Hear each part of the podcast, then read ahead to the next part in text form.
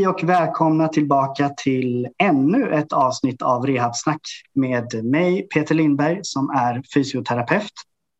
Och idag har jag bjudit in ytterligare en eh, gäst till podcasten och det är Niklas Jut. Och han är filosof, professor vid Uppsala universitet och docent i medicinsk etik vid Karolinska institutet.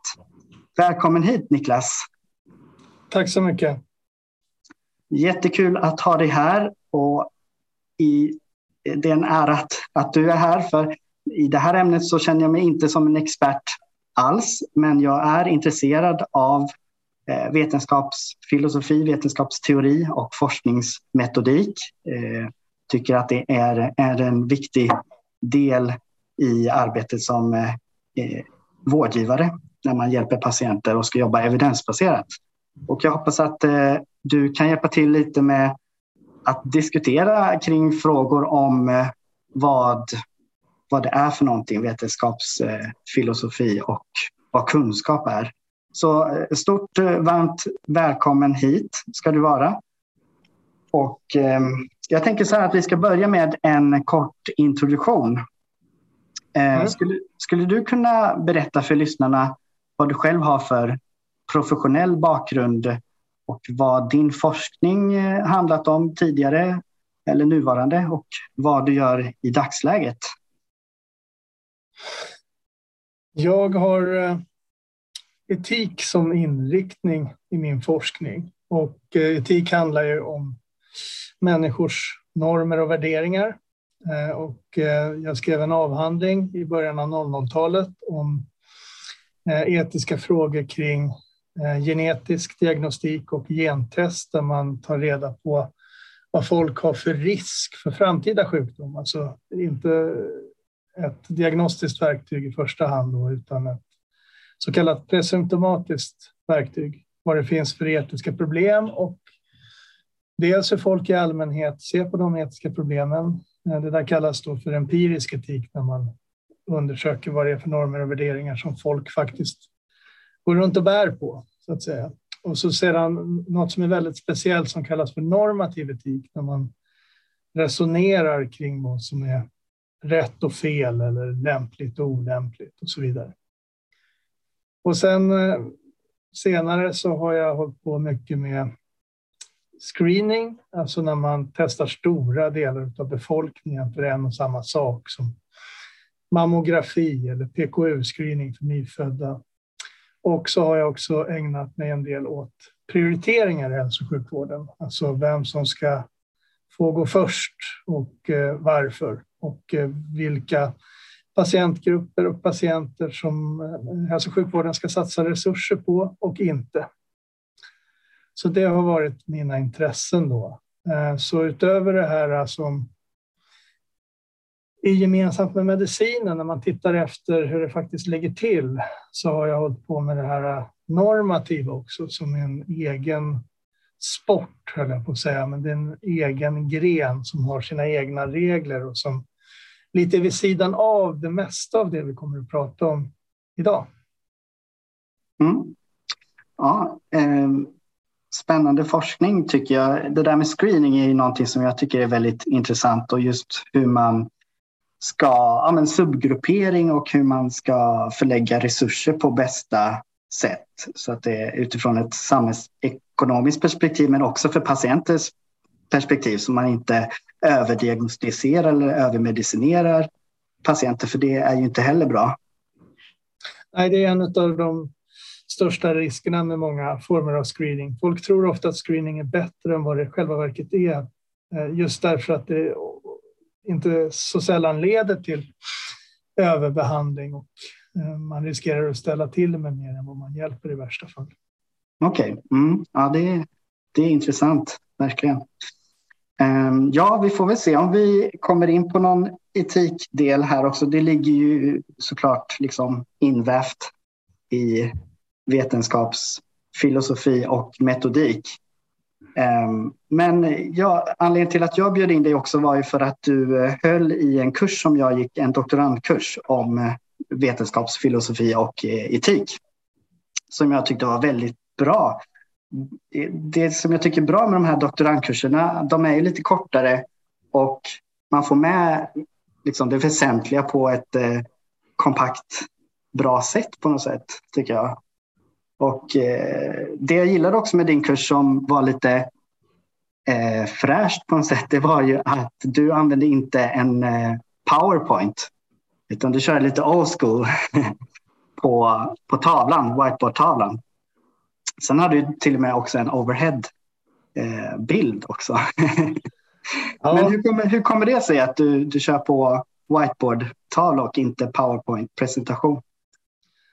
Ja, men det är lite erfarenhetsbaserat, så det ska vi komma in på varför er, erfarenhet är en så viktig källa för kunskap och, och vetenskaplighet. Men eh, min erfarenhet är att det kan bli odynamiskt med Powerpoint. Man är väldigt låst till den ordning i vilket man har lagt sina slides. Och eh, med whiteboarden så kan det bli lite mer interaktion med studenterna och man kan ta saker och ting i den ordning som de råkar komma upp Ehm, i klassrummet istället för i den ordning man har satt dem i sina Powerpoint slides. Mm. Ja, men det tyckte jag var väldigt bra och jag håller verkligen med om att det blev mer interaktivt och man, ehm, eh, vad heter det, man eh, var mer uppmärksam på och, och var delaktig i själva kursen. Så det tyckte jag faktiskt var väldigt bra. Eh, så det var kul. Ja, nackdelen är ju då att eh, det där är inget man gör första gången man har en kurs. Då, då är man beroende av sina slides. Men när man har haft det några gånger och känner att man är väldigt bekväm med innehållet, då kan man släppa slidesen och göra det på det här viset.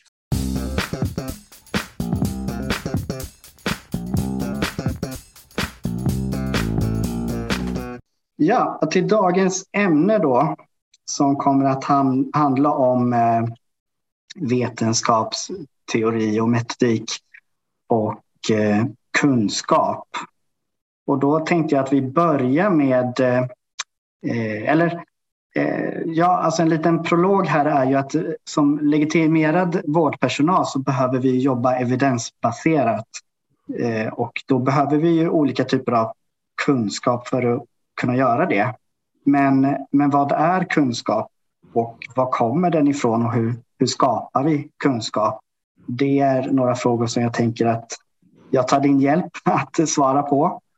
Eh, sen som kliniker så är ju en utmaning att försöka binda samman praktiken och teorin. Och som kliniker behöver man ju, ja, man brukar säga att eh, man behöver ha liksom the hands of an artist and the mind of a scientist. Um, och det kan ju vara en, en, utmaning eftersom att vi har ju begränsat med tid och resurser. Um, och det, kan, det tar ju väldigt mycket tid att utveckla eh, färdigheter i båda de här. Och i vissa fall kanske man måste prioritera lite. Um, så, så det kan ju vara en svårighet som kliniker, att man känner att man inte kan hinna med att lära sig allting. Och um, det, det, kan ju upplevas som ett visst glapp eh, mellan forskningsvärlden och den kliniska världen. Eh, och hur kan man liksom brygga, eh, göra en typ av brygga emellan där? Det, det är ju en utmaning. Just den här överföringen från forskningen till praktiken, det har man ju sett i forskning att det tar ju många år, upp till 17 år liksom, att få in någonting i, i kliniken på daglig basis så att säga. Eh, och sen kan det vara svårt för vårdgivare att bedöma och värdera den forskning som finns. Och nu för tiden så produceras det ju så oändligt mycket eh, studier. Mm. Eh, så det, ja. Men jag tänker att vi kickar off med en både enkel och svår fråga. Varför behövs forskning egentligen? vad tänker du om det, Niklas? Ja, för att svara på den frågan tror jag man per automatik eh, adresserar mycket av det du nämnde här. Alltså forskning eh, involverar ju många metoder eh, som är särskilt eh, gynnsamma för att producera kunskap. Jag ska återkomma till eh, mer i detalj varför det är så. Eh, och eh, kunskap är ju då förutsättningen för att man ska göra någonting som är gynnsamt för patienterna i slutändan. Ehm, det har ju visat sig väldigt många gånger i ehm, vårdens, medicinens, rehabiliteringens historia. Eh, många har i århundraden, ibland årtusenden, gått och trott att någonting fungerar som när man har undersökt saken mer systematiskt visat sig inte fungera alls så bra som alla gått och trott. Eh, och för att utveckla metoder som verkligen är ehm, till gagn för patienter och patientgrupper så, så behövs forskning. Eh, och ehm, i, i, värsta fall så är ju den ehm, beprövade erfarenheten summan av ens fördomar, så att säga. Så för att veta vad som inte skadar och vad som är till gagn för patienter så, så behöver vi systematiskt utvärdera olika sätt att arbeta i all form av hälso och sjukvård. Så det är det korta svaret på vad forskning behövs för. Mm. Ja, tack. Vi, vi kommer återgå, eller den frågan är ju väldigt stor och eh, delar av det kommer vi komma tillbaka till. Eh, om vi skulle backa till, eller backa beror på hur man ser det, men just vetenskapsfilosofi eh, består ju av kanske lite olika delar. Eller man kan prata om vetenskapsfilosofi och teori som jag antar är kanske samma, eh, synonymer till ja. varandra, eller? Ja. Eh, men sen så finns det också vetenskapshistoria, kanske? Ja. ja. Och vetenskapsmetodik eller forskningsmetodik och, ja. och etik. Eh, många olika delar. Vi kommer inte prata kanske om alla jättedjupgående. Men eh, om vi börjar med filosofin och teorin, varför, det, varför är det någonting som är viktigt eh, att lära sig? Varför lär vi oss om, om det? Ja, det ingår ju numera i de flesta, exempelvis doktorandutbildningar, så finns det ju element av eh, vetenskapsteori. Och eh, varför ska man läsa det? Jo, därför att den fråga som man ställer sig i vetenskapsfilosofi, grundfrågan i ämnet, är ju vad vetenskap är för någonting, eller vad som gör vetenskapligheten vetenskaplig, så att säga. Eh, vad gör vetenskap till vetenskap till skillnad från någon annan form av verksamhet? Och utöver att det är liksom en spännande fråga i sig, tycker många, eh, så finns det praktiska skäl till att, studera den här frågan.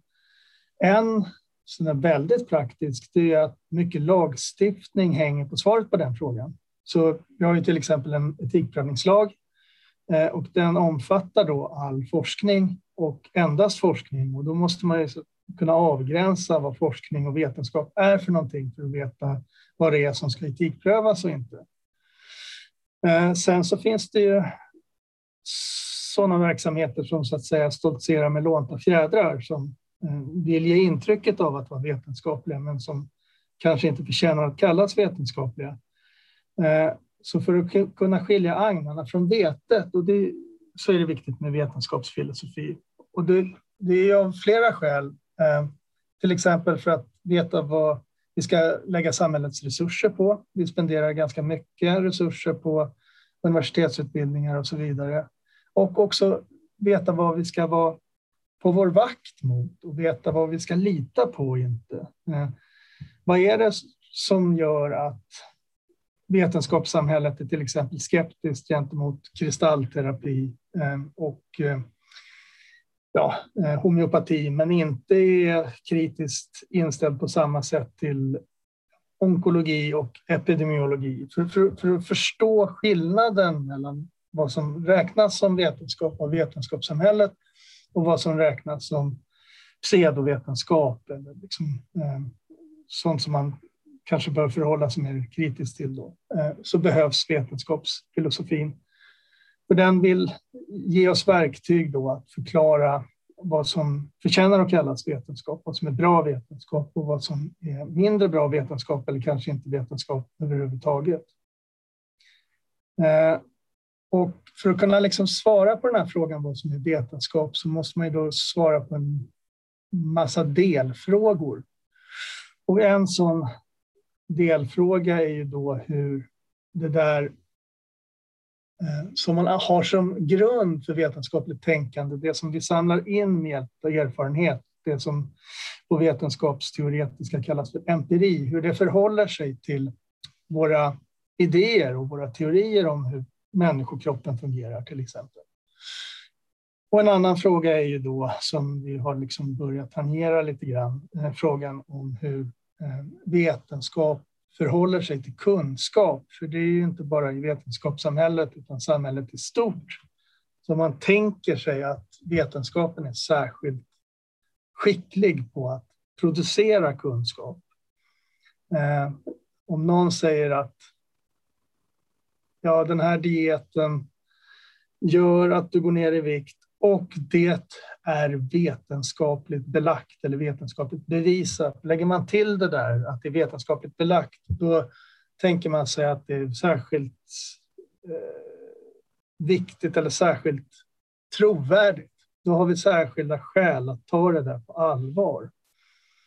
Eh, är det så? är det sant att vi har särskilda skäl att eh, tro på det som vetenskapen kommer fram till? Ja, det är ju liksom vetenskapsteorins grundfråga på något sätt och det är ju eh, viktigt att ha ett svar på den frågan. Annars får vi nog tänka om i grunden till hur vi förhåller oss till det vi tror att vi vet. Mm. Finns det någon eh, eh vedertagen definition om vad vetenskapsfilosofi eller teori är? Eller hur skulle du beskriva det i kort? Jag tycker det bästa sättet att förstå vilket kunskapsfält som helst är att liksom se vilka frågor som står i fokus. Och som sagt, grundfrågan i vetenskapsfilosofi eller vetenskapsteori är just eh, vad är vetenskap? Eh, och eh, alla teorier som på ett seriöst och systematiskt sätt försöker svara på den frågan i vetenskapsfilosofiska teorier. Då. Sedan finns det ju liksom grenar av vetenskapsfilosofin som håller på med specialsaker som till exempel en klassisk fråga har varit om förhållandet mellan å ena sidan naturvetenskaper och å andra sidan samhällsvetenskaper och humaniora, hur de hänger ihop och hur de in, vad skillnaderna finns och likheterna finns. Så där. Eh, man kan ju naturligtvis ägna en hel karriär åt bara en, ett sådant delprojekt så att säga. Eh, men min definition av vetenskapsfilosofi är helt enkelt eh, eh, seriösa försök att besvara frågan vad är vetenskap och angränsande frågor. Mm. Um, och vetenskap uh, handlar, som jag har förstått det, att man vill försöka beskriva eller förklara uh, verkligheten som den är eller försöka få fram, visa på sanningarna, visa på samband, eh, förklara olika fenomen på ett eh, så välgrundat sätt som möjligt. Och mm. hitta då bevis för att kunna styrka sina åsikter eller påståenden om hur verkligheten ter sig. Ja, egentligen hur den är beskaffad då. Mm. Mm. Och du nämnde det här med pseudovetenskap. Vad, finns det någon definition eller hur skulle du förklara det? Ja, det finns ju kännetecken på pseudovetenskap. Eh, ett sådant kännetecken är att man aldrig ändrar sig oavsett vad man får reda på. Ehm, så eh, och det där kommer från Karl Popper, en vetenskapsteoretiker som menade att all vetenskap måste vara falsifierbar. Alltså för att en idé eller en hypotes eller en teori ska vara vetenskaplig så måste det finnas några observationer vi skulle kunna tänka oss att vi kan göra som om vi gjorde dem skulle tvinga oss att förkasta teorin, eh, som skulle säga emot teorin. Om vi inte kan komma på någonting som skulle få oss att ändra oss, eh, då är det något ur vetenskaplig synvinkel fel på teorin.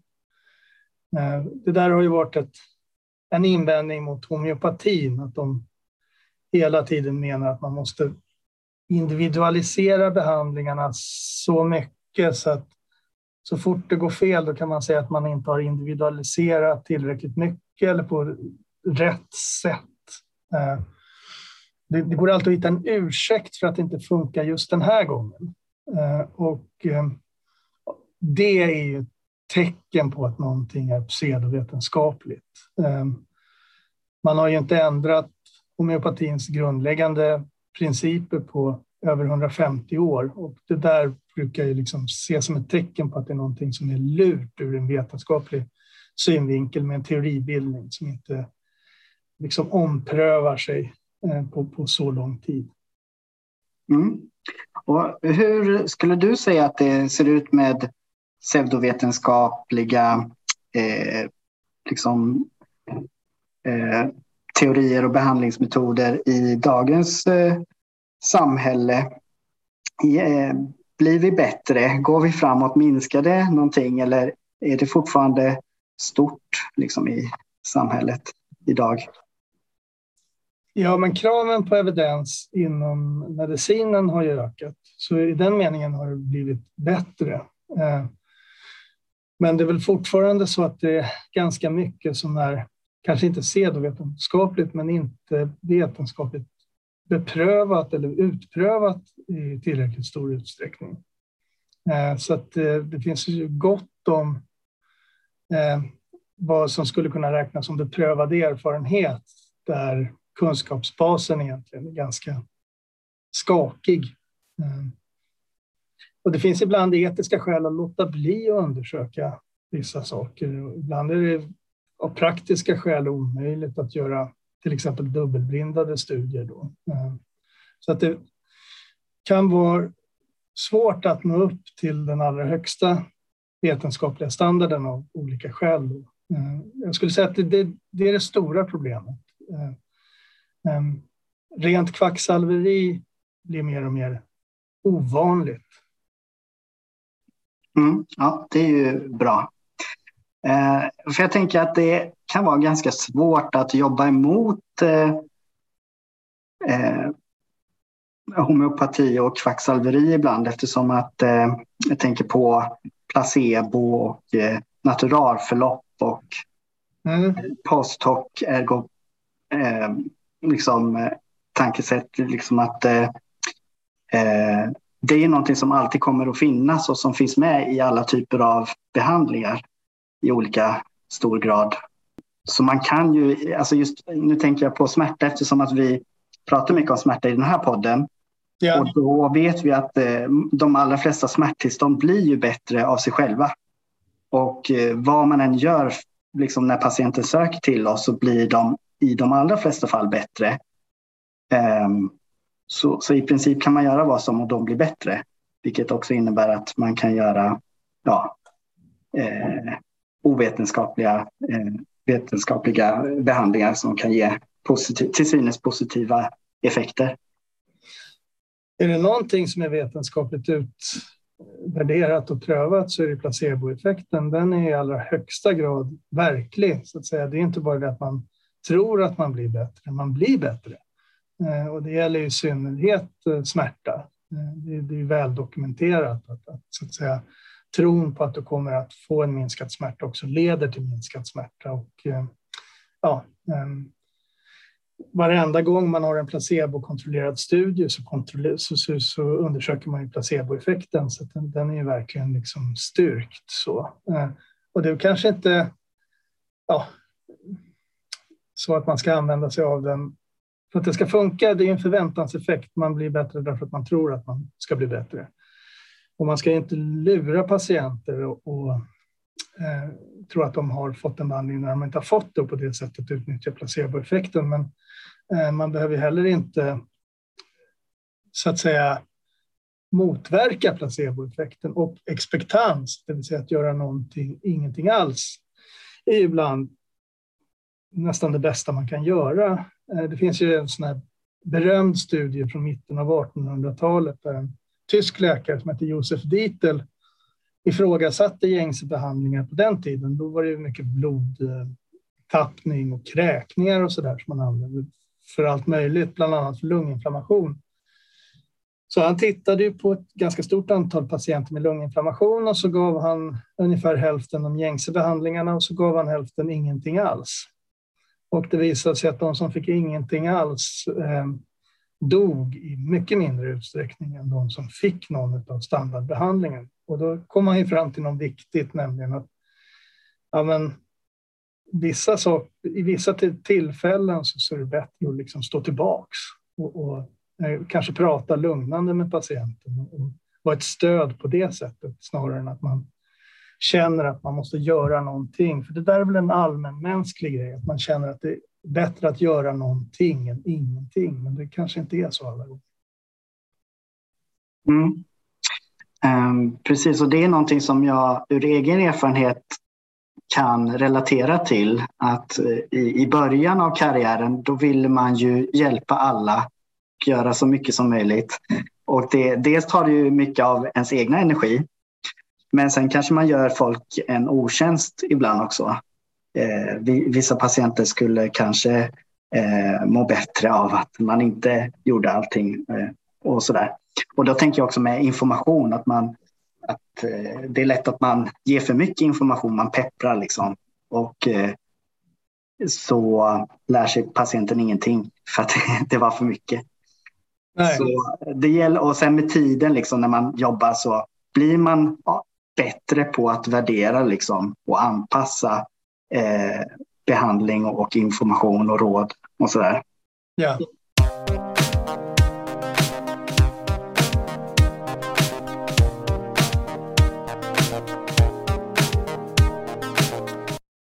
Jag skulle bara vilja säga när vi pratar om vetenskapsfilosofi eh, så tycker jag det är väldigt spännande att lära sig om hur man har kommit fram till liksom de, de vetenskapsmetoderna som vi använder oss idag, hur de har växt fram genom, mm. genom tiden. Att det har funnits olika tankesätt och paradigm tidigare som liksom har bytts ut över tiden för att komma dit vi är idag, för att komma så, när, liksom så nära sanningen och verkligheten som möjligt.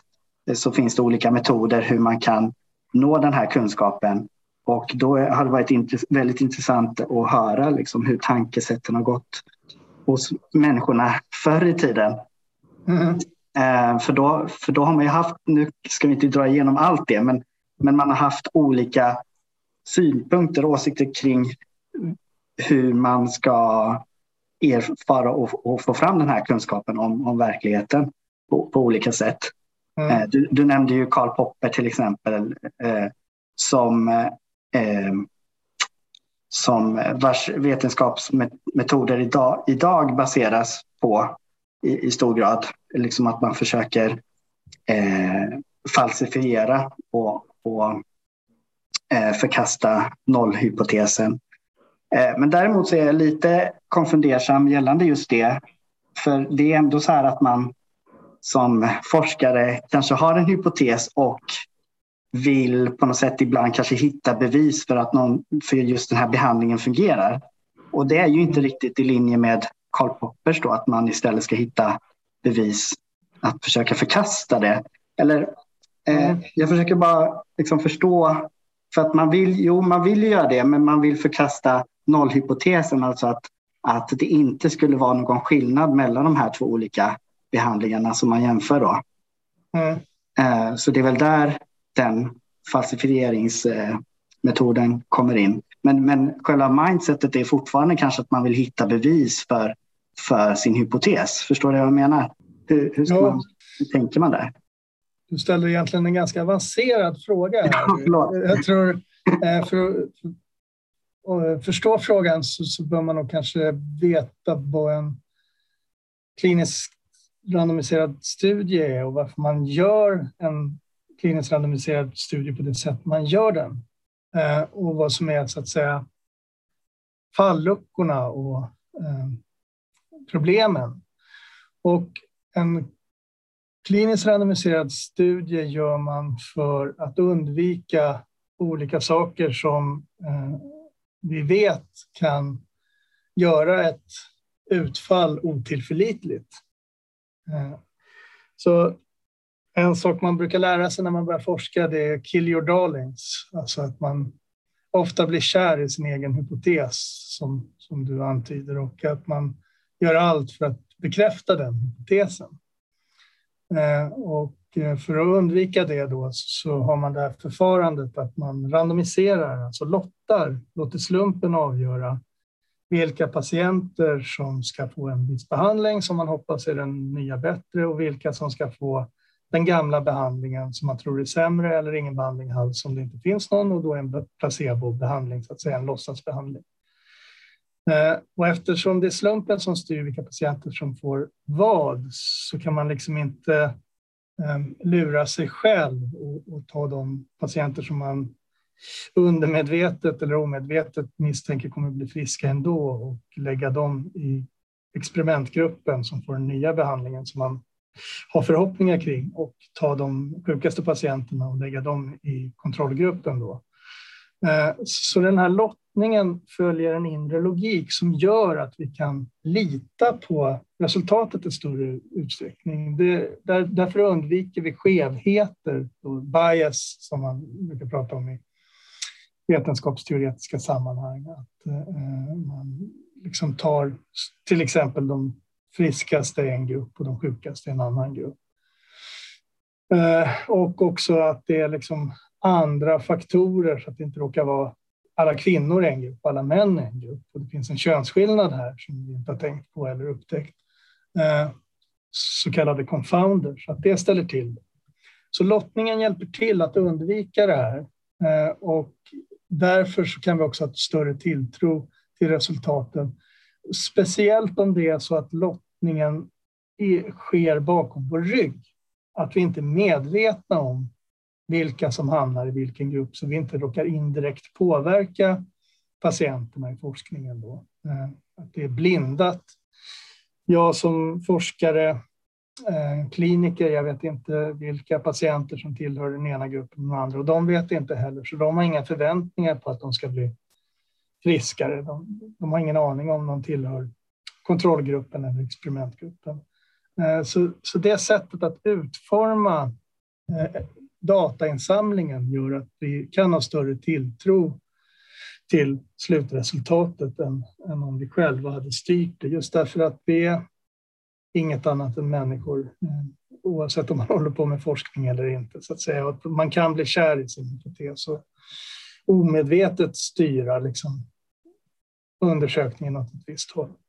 Sedan så har vi liksom hela forskarsamhället som är styrda av vissa normer som också hjälper till. Och ibland talar man om KUDOS-normerna, typ. det är ett exempel då. Eh, communality, universal, eh, universalism, eh, disinterest, det här att man ska förhålla sig lite eh, distanserat till sina egna favorithypoteser. Och det som jag tycker är viktigast det som kallas för organiserad skepticism.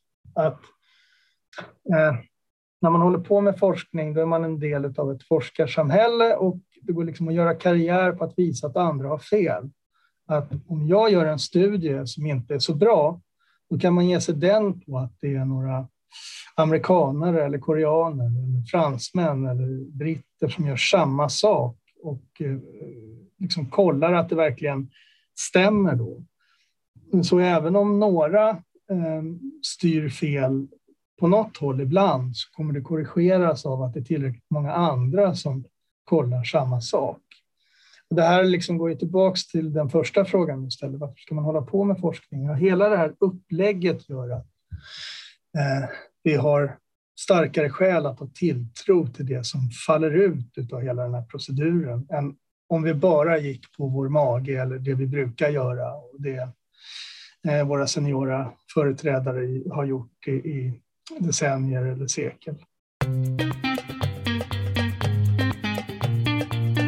Och det vi har pratat om eh, eh, gällande vetenskap och randomiserade kontrollerade studier syftar ju till att vi ska forma och skapa någon typ av ny kunskap som vi ska kunna ha användning av i vården för att ge bättre vård till patienterna egentligen och kunna jobba evidensbaserat.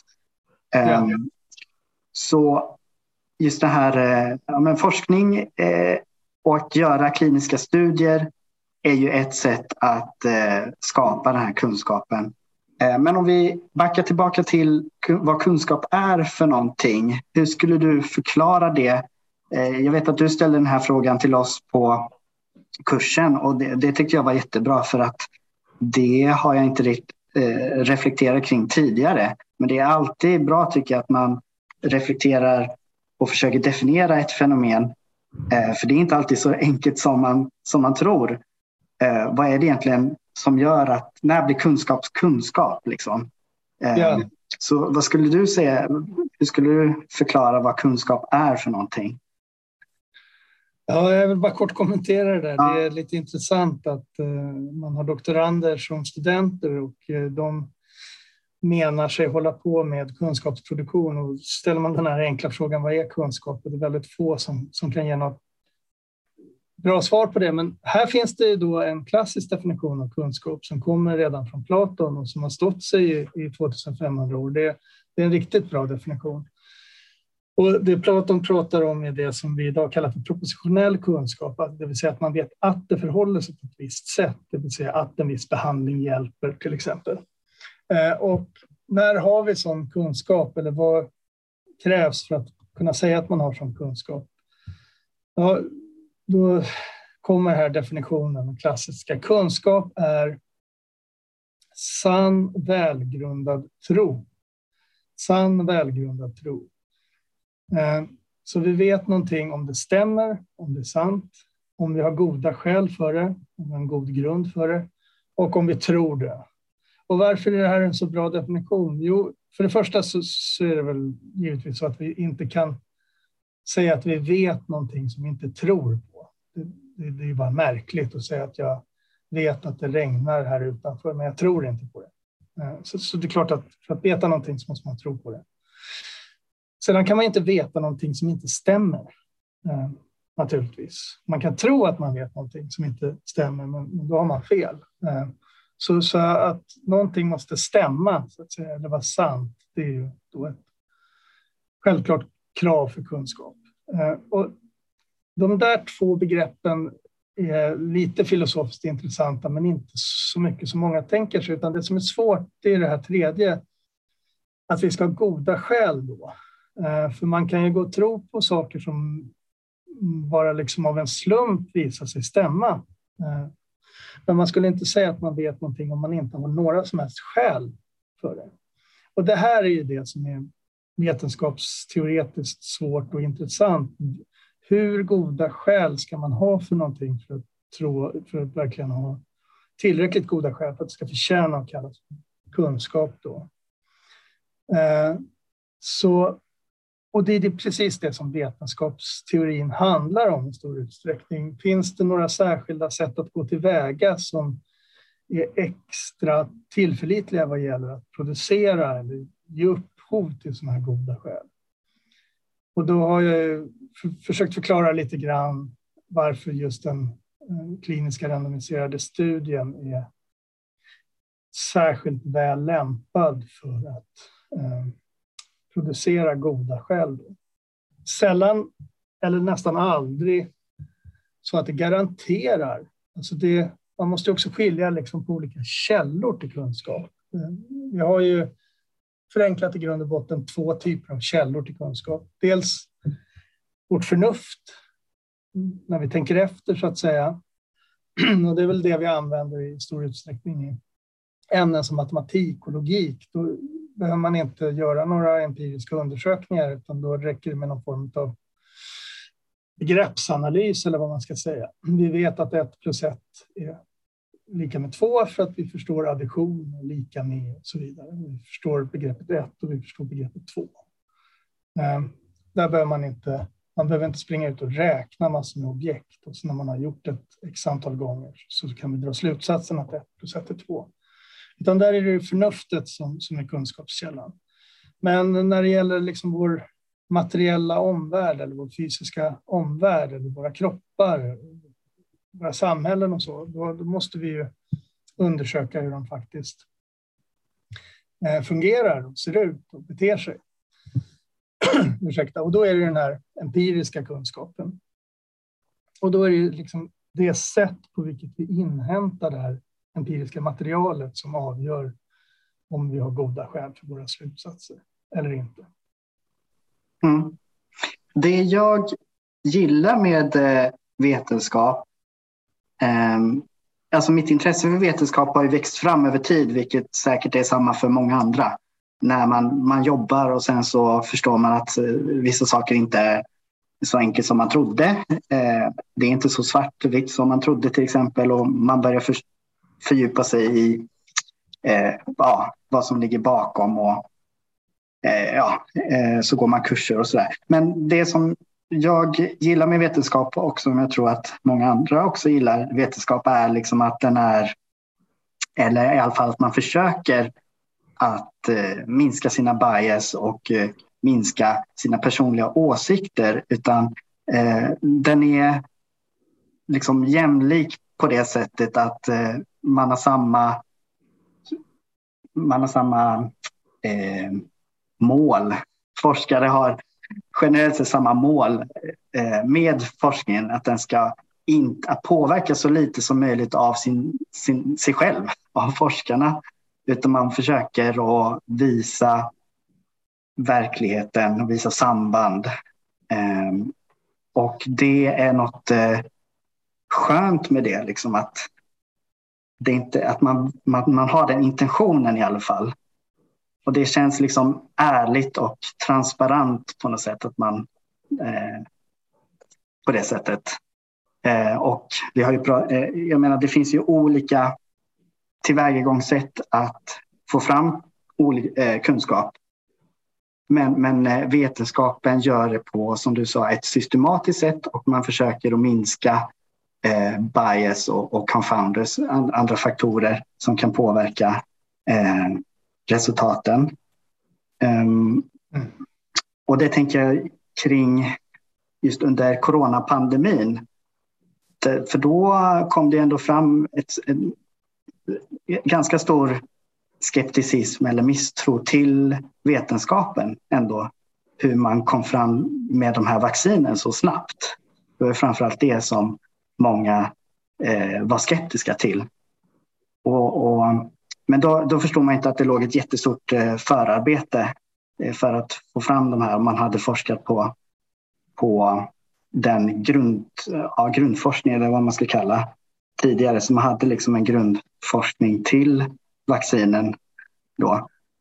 Eh, vad vill jag komma med det här? Jo, eh, nej men just att eh, det finns olika sätt att få fram kunskap på, men, men det vetenskapliga sättet, där försöker man verkligen att eh, komma så nära sanningen som möjligt och själv liksom använda sig av eh, olika metoder för att försöka minska eh, de här bias och, och den mänskliga påverkan som möjligt egentligen.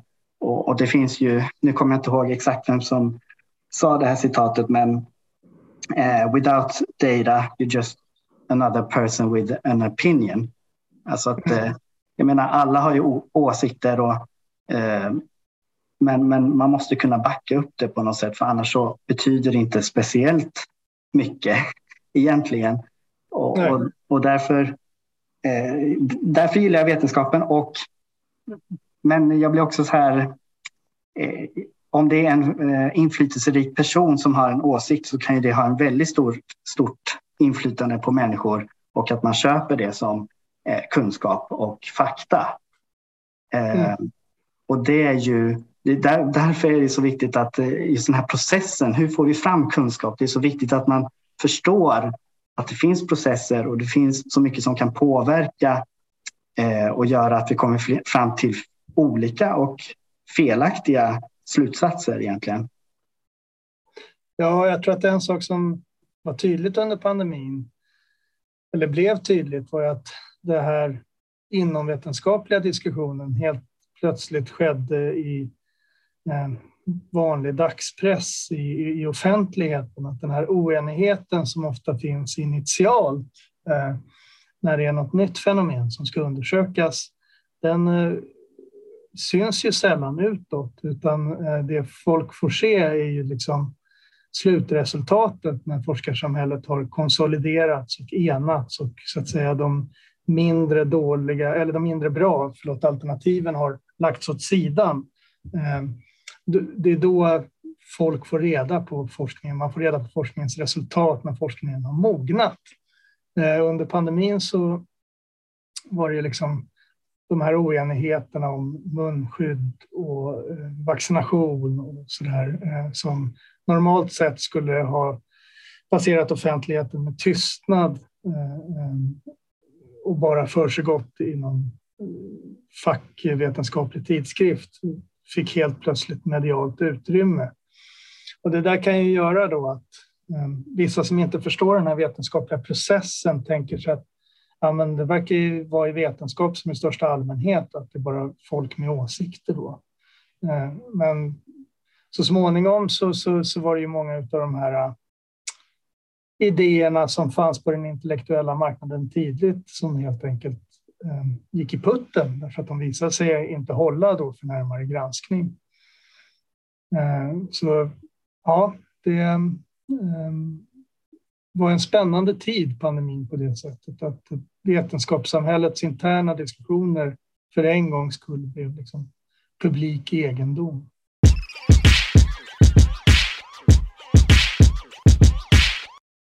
Ja, nu har vi pratat om eh, vetenskaps... Eh, eller touchat lite. Det blir, vi skrapar lite på ytan här såklart. Eh, vetenskapsfilosofi och teori och vad kunskap är och hur man skapar eller kan skapa kunskap. Och jag tänker att vi ska börja avrunda här. Men eh, eh jag funderar på, för att koppla tillbaka till början där som jag berättade om eftersom den här podden riktar ju sig till många kliniker där ute. Um, har du något tips på hur man som vårdgivare och kliniker kan liksom få ihop det teoretiska och praktiska och eh, hur man kan lära sig på ett bra sätt att bedöma och värdera forskning och forskningsmetod och dess slutsatser. Är det här någonting vi ska applicera i kliniken eller inte. Liksom. Um, ja, eh, har du några bra tips kring, kring det? Ja, tre saker. Uh, för det första kan man ju försöka att jobba med vetenskapligt själv och det finns det en grundläggande vetenskaplig metod som kommer till uttryck i Eh, den kontrollerade kliniska studien som också går att använda liksom mer vardagligt, nämligen den så kallade hypotetiskt-deduktiva metoden. Där man, om det liksom inte funkar så kan man ju prova med att ställa upp en, en ny hypotes, en ny idé om vad som skulle kunna funka.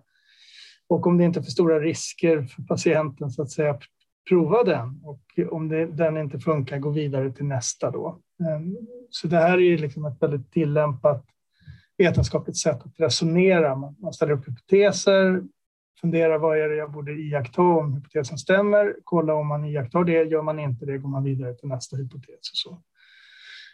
Eh, trial and error.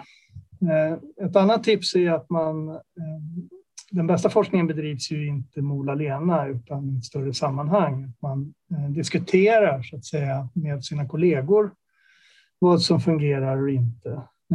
Och ett tredje tips är ju att man kanske kan tänka sig att läsa någon bok eller ta någon liten kurs i vetenskapsteori så man lite eh, lär sig att bedöma, precis som du är inne på, eh, vad det är för eh, resultat man kan sätta sin tillit till och inte och varför. Eh, det finns ju mycket bra böcker i, i vetenskapsteori och forskningsmetodik eh, och de finns också på svenska. Eh, vill man vara avancerad då kan man läsa en introduktion till vetenskapsfilosofi av eh, Johansson. Lars-Göran Johansson som ger en bra översikt över de vetenskapsfilosofiska frågorna och ingångarna. Det finns också en engelsk bok som heter A Very Short Introduction to um, Philosophy of Science. Uh, av Walt, nu har jag glömt namnet, men det är en hel serie med Very Short Introduction från Oxford uh, University Press. Så det är mina tre tips. Ja, jättebra tips. Tack så mycket. Eh, Niklas, finns det någonting kring det här ämnet? Nu har jag ställt lite frågor och sådär, men finns, du, finns det någonting som du vill lägga till i slutet här, någon kommentar eller reflektion kring de här ämnena som vi har tagit upp idag? Någonting som du tycker att det här är bra att veta? Eller känns det som att ja, det har kommit fram tidigare? En viktig sak som jag kanske inte var tillräckligt tydlig med är att um, det finns något tilltalande, precis som du sa, med det här uh, demokratiska idealet i vetenskap. Att det, det är inte vem det kommer ifrån, utan vilka resultat vi har som, som ska avgöra eh, svaren svaret på frågor. Eh, men man ska inte tro att vetenskap är någon värdeneutral verksamhet, utan det finns ju vissa värderingar i vetenskap och, och vissa så att säga, bra värderingar, till exempel att eh, eh vi ska lita på resultat snarare än personer. Vi ska eh, inte bli alltför förälskade i våra egna hypoteser och så vidare. Och liksom att ett, eh, tycker jag, inte bara gott vetenskapligt förhållningssätt utan ett bra professionellt förhållningssätt i att försöka ta till sig de här normerna och värderingarna. Just det, ja, men det var ett jättebra tillägg. Och eh, det här med forskningsetik eh, får man, det är också superviktigt. Och eh, det, får man, det kommer vi inte diskutera i det här avsnittet för nu är vi på sluttampen här. Men det är ju ett väldigt viktigt ämne och det som man också som hänger ihop med allt det vi har pratat om idag egentligen. Ehm, mm.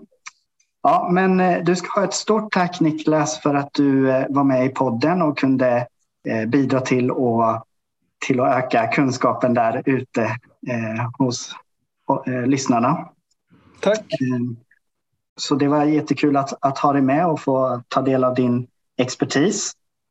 Och mm. eh, jag hoppas att du får eh, någon semester nu i, i sommar. Så att du kan koppla av. Det hoppas jag med. Detsamma. Ja. ja, vi säger tack så mycket och ha det så bra. Hej då. Hej då.